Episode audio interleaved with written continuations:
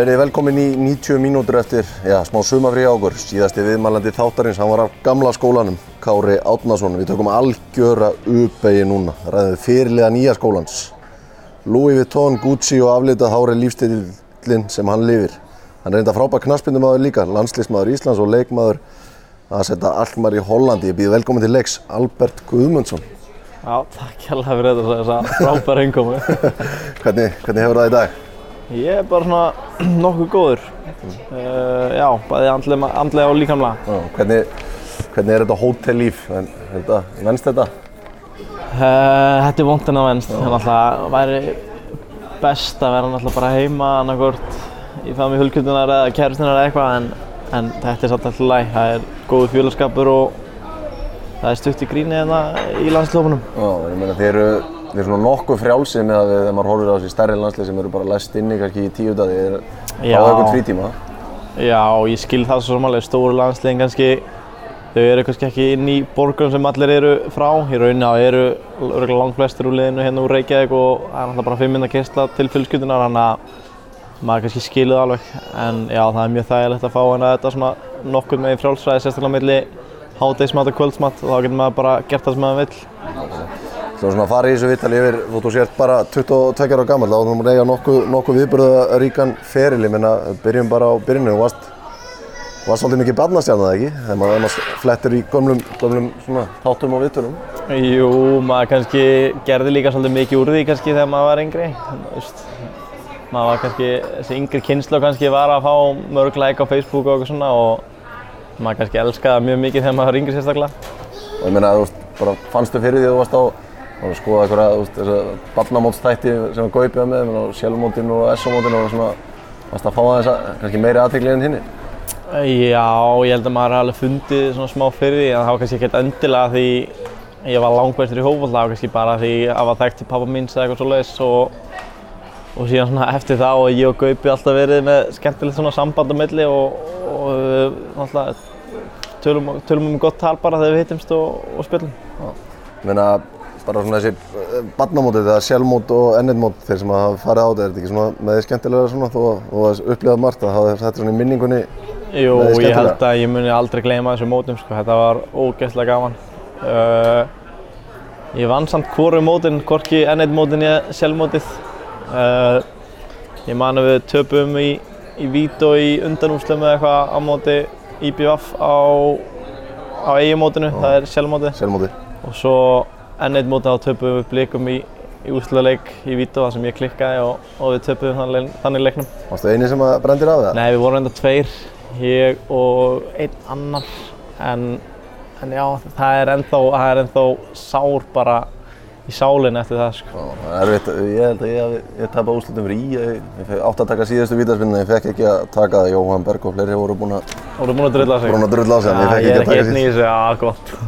Þannig að, en ég meina, hvernig voru, þú, ákveður, þú kemur úr fjölskyldu sem er bæði káringar og, og valsarar, ákveður, ákveður var káir fyrir valinu, bara nær, nær heimilinu? Já, við byggum bara, ég í rauninni bara bjó í Káar heimilinu. Við byggum á móti og ég æska mig maður bara eitthvað eftir skóla, þá sagði ég bara og pappa, ég fann út í Káar og það var bara annarkvort körfubolti eða fótbolti. Þú veist, það fó, stundum bara eftir veðri og stundum var fótbolti inni eða vont viður og það var bara körfubolti eða fótbolti eða bara hangut í Káar ef ég var bara óþreyttur. þá var ég bara hangut í Káar og, og bögga húsverðina eða eitthvað svoleiðis. Það var bara, lífið mitt var bara út í Káar, sko. Ég meina, voru mamma henn og þá pabbi hennar, voru þau eitthvað, einhvern tímann að reyna að toga því yfir í val?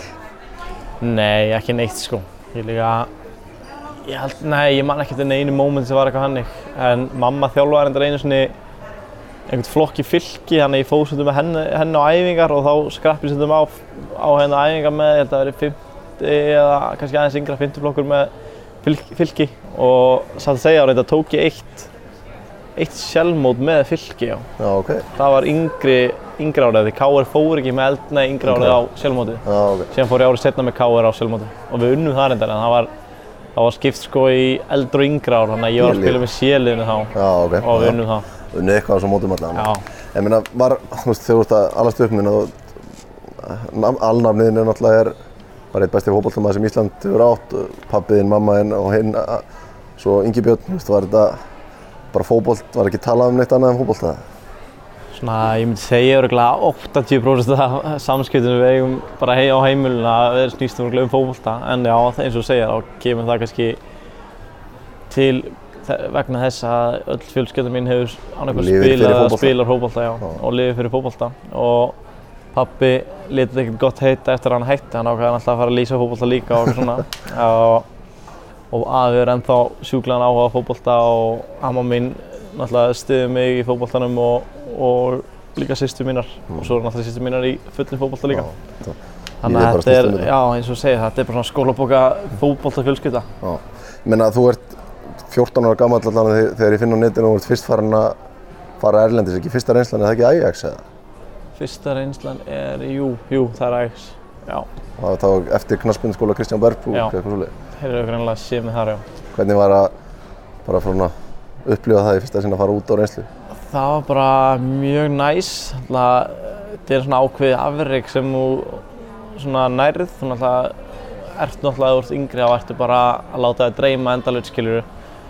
Og þú fyrir kannski út í fókbólta og með það í huga og breyti sjálfur svolítið bara í Messi og ert að íhuga er bara að þú sért að spila fyrir fram að fulla völl og ert að sóla þrjá gaur og síðan skýtur þér í, í blá hodni og síðan þú norðlagsins ná kannski einhverju svona smá markmiðum eins og að fara á reynslu þá náttúrulega þá gefur það þér náttúrulega bara ekstra boost fyrir skilur næsta markmið sem þú ætlar að ná.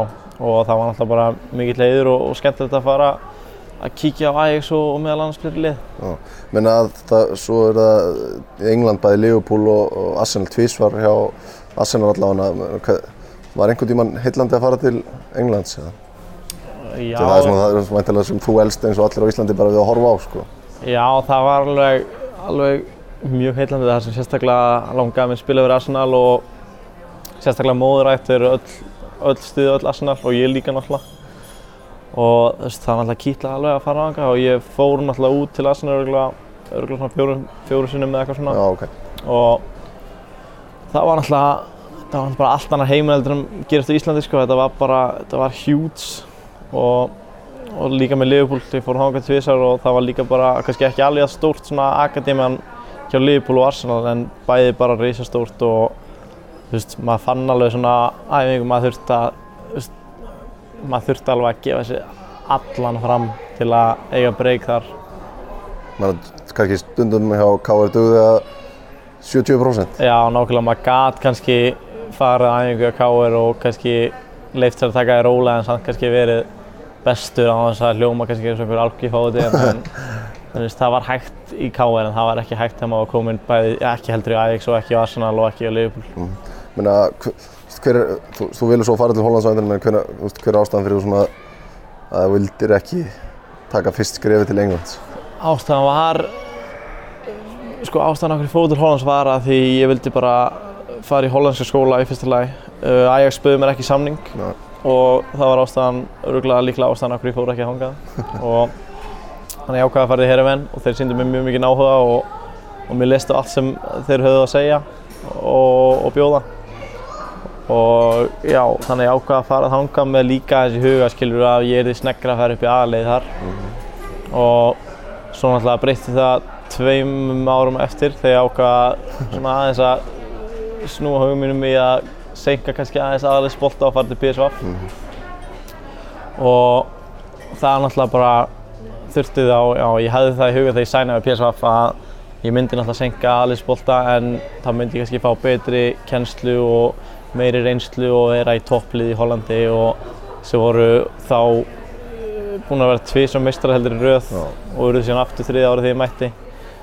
Og þá var ég að vinna undir mönnum bara eins og Markmann Bommel og Nistelrooy og Philip Kuku og, svona, og maður lærði helling þótt að maður þótt að maður hefði kannski ekki farið eh, strax í einhvern aðhalsbolta maður var bara í varanliðinu og 19 spilaði U19 Champions League eh, leiki sem voru hörkuleikir og svo í næsta eftir deldi í, í Hollandi. Nákvæmlega. Ég meina, var, varstu með tilbúð frá, þú veist, gastu, þess að fann allavega að þú sagði nei við Arsenal, fyrstu líka samlingstilbúð frá Liverpool eða?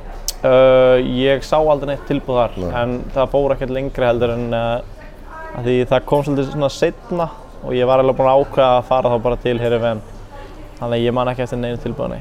Og einhverjur af þessum lögsum sem voru í þessu félum, en að vengar okkur svona að reyna Því að Arsenal síndi mikið áhuga. var- Já, hann ég mætti hann einu sinni á skrifstfjörnu og Wenger. Hann var hann á skrifstu og það var ekkert eitthvað til að sannfæra mig, það var bara til að bjóða mig velkomin og hann tók mig og pappa hann upp á skrifstu og tók í hendina á okkur og sagðist munið til langaða minnum og svona. Já, ok. En ég man eftir Liam Brady, hann var, hann var þá held ég direktorinn hann hjá Arsenal, hann er ekki lengur það.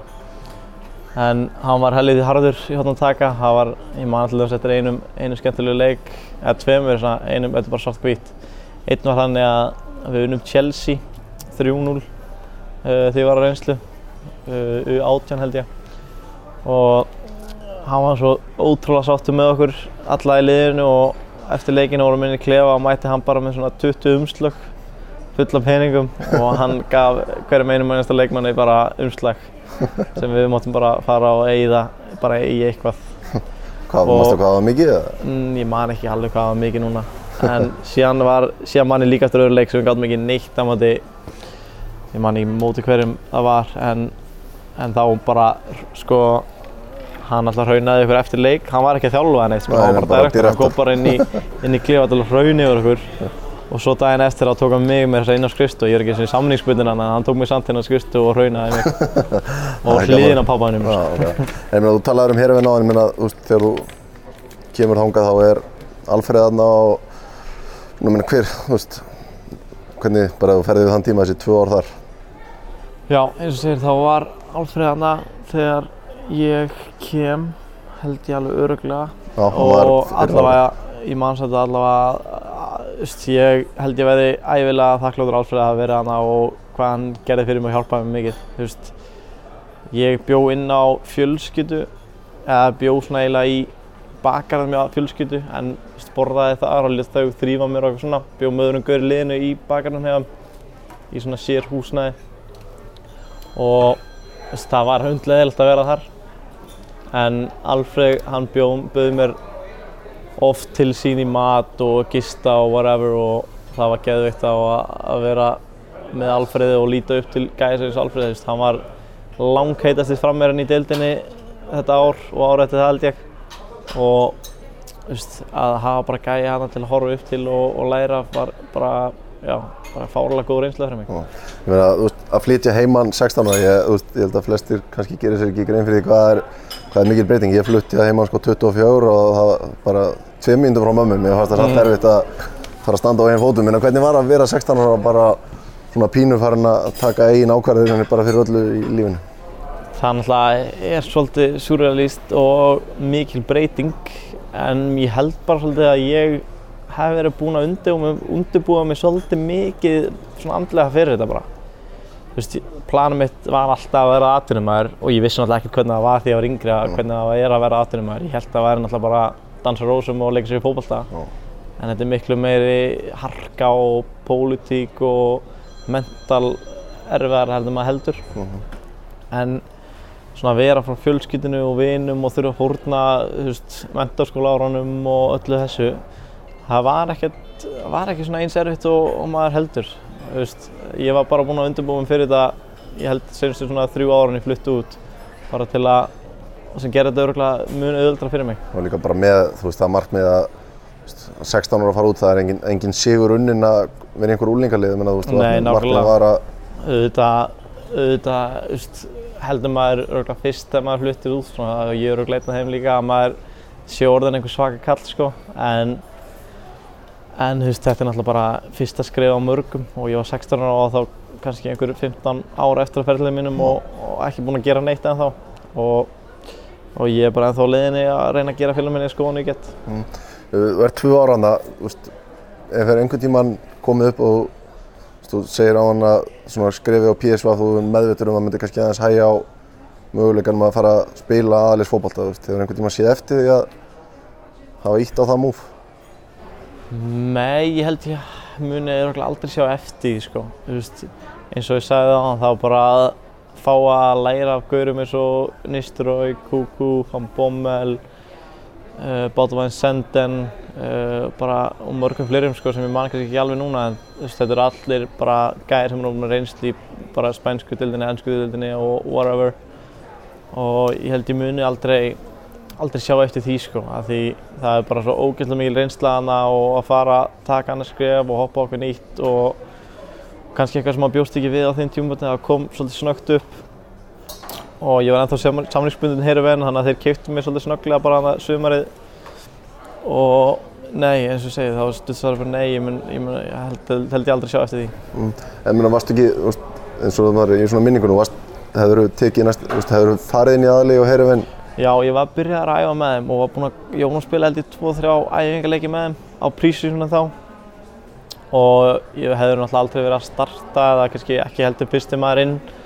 Ég hefði verið að spila með varliðin og kannski fá einhverja mínundur og og ég ákvaði þá bara að taka þá okkurinn að staðin fyrir að vera kannski í varaliðinu að spila í varaliðstild með Hereven og kannski að koma inn á stundum í Eredivísi að fara þá freka til PSV eins og segja að spila þá í næst þessu dildinni sem er sterkari dild og Champions League með U19 og, og ég held að það hefði bara verið svona nokkuð gott múf og síðan var bara undir mér komið að verða ná góður eða eða duglegur eða whatever til að komast í aðlið á PSV af því það var náttúrulega alltaf að vera miklu erfið en að komast í aðlið á Herifenn. Mm. Menna bara eina sem að kannski ég hugsa út í þú veist, þegar þú tekið árið viðbútt með Herifenn þegar Ísland fer svo EM og einhverja mínútur í Eredivis eða kannski sétið þess og það er verið í hófnum, hefur einhvern tíman hugsað það? Sko það er alltaf hægt að hugsa ef að hefði sko en just, það er alveg, ég get alveg sögt hugsað að ég átt að gera þetta kannski eitthvað aðeins betur í PSV og kannski komin að eitthvað aðeins fyrir í aðliði þar en þú veist, já það er alltaf eftir að hugsa ef að hefði en, en ég kýst nú ekkert mikið að gera Nei. það fyrir ekki bara að horfa fram á veginn. Nákvæmlega og ég menna þetta skriði til PSV þannig að kannski Íslendingar átt að segja á því hvað þetta er risa, risa stór klúpur þetta er bara Nei, komið á völlina þetta er bara, þetta er á leveli við stærstu klúpan í Evrópa Já, ég held, ég held að margir fannst, sko. já nokkulega, það snýst náttúrulega allt bara um fókbóltabæði bara í Hollandi almennt sko. Þetta er náttúrulega, hollandski fókbóltan er kannski ekkert sérstaklega háttskrifaður, sérstaklega ekki á Íslandi. En, þú veist það, jú, ok, það eru náttúrulega slöppli í hollandski dildinni eins og MN eða eitthvað svona, en, en liðið svo PSV, Ajax, Feyenoord og síðan kemur Almar og Heerenveen, Vitesse svona aðeins eftir þeim, en þau eru risastór, þau eru bara, það snýst allt, allt, allt um fókbólta. Mm. Og ég meina, kannski ég er svona langar mest að taka út úr sem kannski þú hefur þá mæntilega mest lært af en það var Nistelrooy svona sóknarþengjandi Já, Nistelrooy bæði með úst, hvernig, Var hann í einhverjum enga, eða enga, svona sérþjálfunum og með eitthvað sóknarmenn? Já, hann var mikið með okkur sóknarmenna en ég og Bommel líka við náðum mjög vel saman sem er núna stýran PSV og ég man að þetta eftir við lendum þvíglitt upp á kant fyrstu vikuna minni á hjá PSV að því hann var þess að hjálpa í U19 og vorum að spila leik um Manchester í, í UEFA Champions League-unni U19 og við lendum upp á kanta því ég átti að vera í vegg sem ég var ekki í og, og við fórum eitthvað rífast inn á einhverju videofundi að því, að því ég var ekki í vegnum en það var í rauninni kýper sem sendi mig úr vegnum oh. sem hann vissi ekki síðan og það kom síðan ljós og við bara sékum um hends og, og það var bara allt gott eftir það og síðan eftir það og bara fannst mér eins og samband okkar styrtist eftir það mm. það var bara alltaf betra og betra og hann var mjög svona, virkur í að hjálpa mér og segja mér hvað ég get gert og bætt og eitthvað svona mm -hmm. þannig að ég held að ég var mikið honum að þakka mm -hmm. En hvernig er þetta level á næstöfstu deild í Hollandi hvernig, hvernig er það? Mísjafn leikir þessu? Uh, já, ég held sko ég ætla ekki að segja það að það sé eitthvað gott sko en málega með hollandska boltan það er enginn tilbúin að kingja stoltinu og segja ok, leggjumst niður, við erum ekki náttúrulega góður í fólkvallta bara let's park the bus oh. það vilja allir bara fara að spila frá markmanni og, og reyna að verða góður í fólkvallta mm -hmm. Það er svolítið öruglega út af náttúrulega Jón Kræf og allir vera Barcelona. Já, það eru hrókafullir sko. Og mér finnst það bara heldur skemmtilegt. Það voru allir til að spila og allir að spila hápressu. Þannig að var, þetta var heldur skemmtilegu fólkvallti það var mikið á mörgum og eitthvað svona. Og alltaf það er marg oft sagt að hendi sóknarmönnum vel að spila í Hollandi. Að því þið munum skora fullt á mörgum en alltaf kemur ekki neitt upp í hendina á neinum sko. Alfred skora ekkert að mörgum að því að hann var að spila í hollandski dildinni, Alfred er bara geggjaðin strækjar mm -hmm. Og þess vegna skora hann fullt á mörgum sko. mm -hmm. Úst, áðan voru að tala um eitthvað hér að vinna aðaliðin þannig að þú ert í PSV og ert aðeins með aðaliðin þetta er PSV-flið þessi ára er bara eitt besta PSV-flið sögunar hvernig getur nú bara verið bætt sér hellingsið leikmaður bara að vera á æfingu Já, náttúrulega árið sem ég er aðna með aðliðinu Uh, ég myndi ekki segja að það var besta PSV-lið í sögunni. Nei, svona þessi liðan undan, þú veist, þetta er... Já, já, þú að- undan alltaf var Þegar þú ert að í varaliðinu og æfa kannski með þeim, þú veist. Já, þegar ég kem til PSV sko, þá fór Memphis og Wijnaldum, þeir fóru þá. Og þann, það lið var allavega mjög gott. En síðan alltaf þegar ég byrjar að æfa með alinu bara fullu og, og spila hans með þeim þá er alltaf eru við líka með mjög gott lið og eru meistarar. Og þá er alltaf eru við með Lozano Santiago Arias uh, Guardado var hana, Davy Pröpper Luke de Jong, Steven Bergwijn, Þetta Lozano. lið vinnum Manchester United í mestaradöldinni og Já, einmitt, þannig að þetta var, þetta var drullu gott lið og, og þetta var alltaf, þetta alltaf sjúklega mikið hark á öllum æfingum að því það vilja allir spila og þetta eru allir, þetta eru allir stóru nöfnana í PSV og í, líka bara í fótbolta heiminum. Og það var alltaf drullu erfitt bara að vera eitthvað að reyna að reyna að kompýta við þá þótt að, þótt að mér finnst ég alveg geta, geta gert það sko. ég meina, þú veist, þetta síðast ára þar sem varst svona mest innvolverar í aðliðinu, verið meistara þá eða ekki? Uh, jú, Hvernig er að, hvernig er að vera landsmeistari? Það var mjög næst sko. Það var alltaf öðruvísi tilfinning. Ég hefði aldrei upplifað eitthvað svona áður. Uh, ég hefði verið byggamestri í 19, alltaf já, Heriven, það var náttúrulega ekki hægt að bera það saman sko.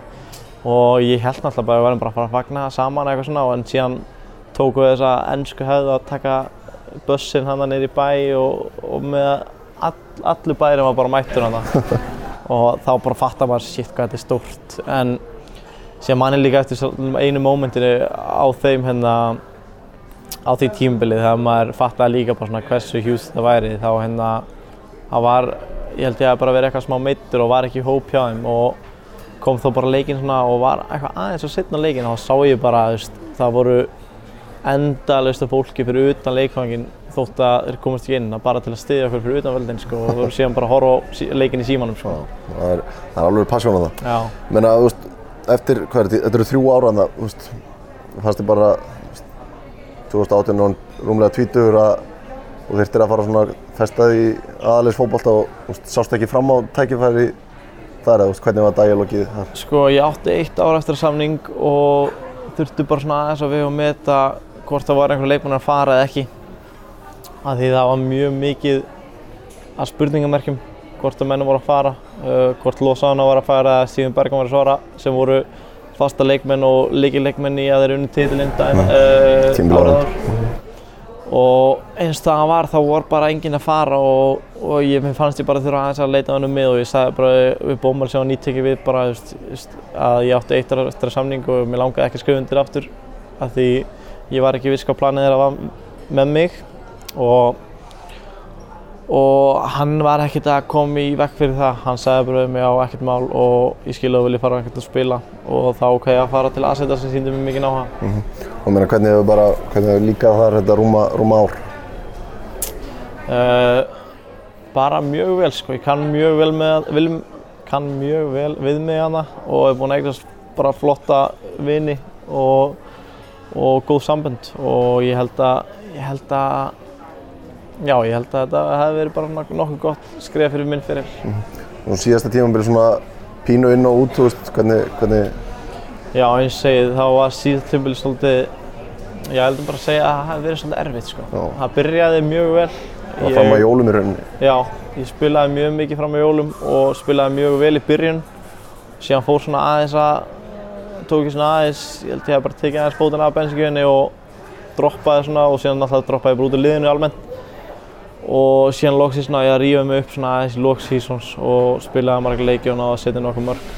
Ég hvernig bara, þú veist, andlega dæmið, þú veist, að svona fara í svona pínu fristi og má segja þannig skilur að, að díla það, þú veist, bara setja hausinn niður og Já, ég held að það sé bara mjög mikilvægt sko að vera ekki að ég var sjálfvæg þótt þú, þótt þú kannski er vondaleik eða einhver annar ákveður að setja það á bekkinn eða eitthvað svona.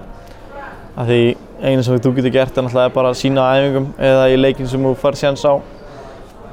Og síðan náttúrulega tekur bara einhver annar ákvörðun að þú getur ekki tekið ákvörðun hvort þú spilir ekki. Og þá er bara mjög mikilvægt að halda hausnum uppi. Og það getur náttúrulega verið mjög erfitt sko, sérstaklega ef þú ert svona ungur og, og ég er alveg búinn að brenna með því sjálfur. Að hengja haus kannski og snemma og eitthvað svoleiðis eða bara hengja haus almennt því það er náttúrulega aldrei gott að gera það og ég meina, þetta tímabil maður fylgdist með prísónu og bara byrjaði að flesta leiki og spila mjög vel. Það var ekki helviti þreytt að byrja tímabilið í banni eða? Jó, það, það var helviti þreytt og Og liðið vann bara alla fyrstu leikinn. Já, ég vissi ekki að því fyrir þreymdum fyrir leikin þá spurði þjálfarinn minn, ert þú í banni í fyrsta leik? sem var svolítið, svolítið spes að ég hefði ekki hugmynd um og ég sagði ég veit það ekki. Þannig að við fórum báður að tjekka á því og þá kom bara í ljós að, að hérna, ég var í banni.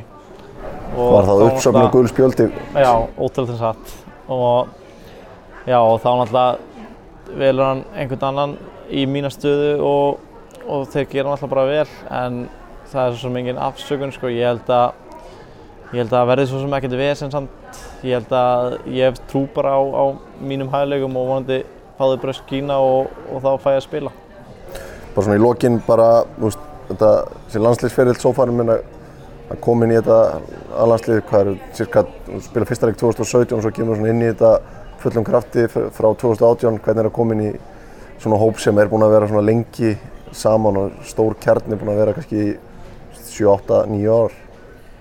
Sko, það er bara gaman sko.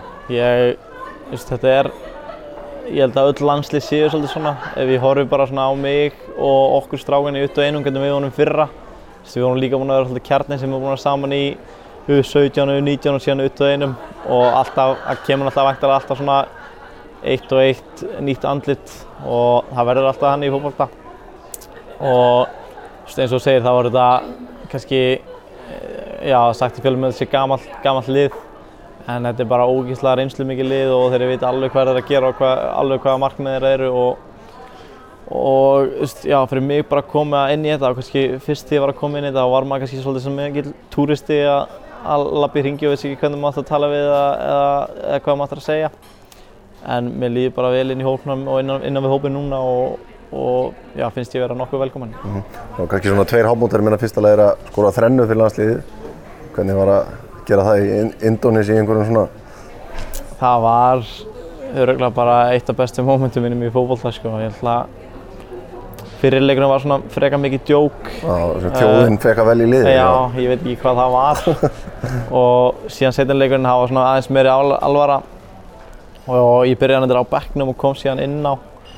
Og já, náði að skora þrjú hann og það var eiginlega bara geggjað. Og líka ferðin bara öll var líka geðvik. Þetta við vorum að gengur geðvik á hótel í Indonési og, og ég hef aldrei komið þangað og þetta var bara allt, allt til alls næs. Svo þetta heimsmestur á móti í fyrra það sem sem varst með hvernig, bara, hvernig upplifun var að spila á stærsta sviðinu. Uh, já, hins, já, HM var náttúrulega bara geggjað líka. Það hérna, það var bara, veist, ég hafði alltaf markmið að fara HM þegar maður var lítill og mm. allir að þáka þarna og síðan svona sá maður að var mjög mikill möguleiki og maður gerði náttúrulega bara allt það ár til að reyna að sína sig og sanna bæðið með félagslið og síðan þegar maður fekk sensi með landsliðinu að, að láta heimi velja mig og, og, hérna, og það gerði síðan á endanum og það var náttúrulega bara geðið að fá að upplifa að vera á þessu móti. En þú verður ekki viljað fara heima á þessu móti að ná að spila. Fyrst, spilaðir í síðasta leiknum. Já, við fengum hann að, ég fekk hann að já, einhverja nokkra mínútur í Króatum og já, það var náttúrulega bara, kannski gerði ekkert sérstaklega mikið fótbollalega fyrir mig en Nei. bara að hafa það á CV-inu og, og bara reynslubankunum, það er náttúrulega, það, já, það verður bara alltaf í, í hjartana mínum bara. Svo kannski þriðja augnablikið, bara hvað varst að spá þegar þú ætlaðir að, að ráðast í Pól Pogba hann í æfingarleiknum, veistu? Það var, Það gekk á heil. það var eitthvað svona smá fætt og bífið okkar er alls ekki búið því ég þarf að mæta hann aftur í, League. Já. Já. Þannig að það er- það back to back þá. Ná, það er undakefni núna, menna þessir sex leiki sem eftir eru, er, er þetta lið nóg gott til að komast inn á þriða stórmótið í röð? Uh, já, það held ég. Ég held að við séum mjög gott lið sko. Ég, náttúrulega íslenska, íslenska einkennin í fótbolta er náttúrulega bara meira og meira að berjast og vera þéttir og verjast og eitthvað svona. En það má ekki gleyma að við erum ógeðslega góða fótboltareikmenn líka. Veist, það er engin tilvíðun að þessi leikmenn séu að spila svona á góðu leveli og, og já, ég eru bara svona góður í fótbolta. Það er náttúrulega að vera fótboltamaður og þið höfðu bæði fótbolta hæfileika og líka getur haft íslenska einkennin að berjast, verjast og, og allt þetta þá, þá ertu svolítið mikið komplít leikmaður bara. Búin að vera í sex ár núna í Hollandi, er eitthvað svona er einhver drauma áfangastæður á ferlinu? Er eitthvað land sem þið langar að spila í, þú veist? Getur á 10-12 ára eftir í aðunum, sko? Já, uh, þegar ég var yngri langaði mig alltaf að spila í Englandi. Ég held að það verði alltaf svona innst inn í mér. En mér langar líka mjög mikið að spila á Spáni. En það er eiginlega bara svona út af, bæði út af menningunni og líka bara fótbolta kultúrunum þar. Bara hvernig þið spila fótbolta og hvernig þið sjá fótbolta líka. En aðalega hvernig mér langar að spila í Englandi, það er líka bara út af passjónunu. Þar snýst líka allt um fótbolta.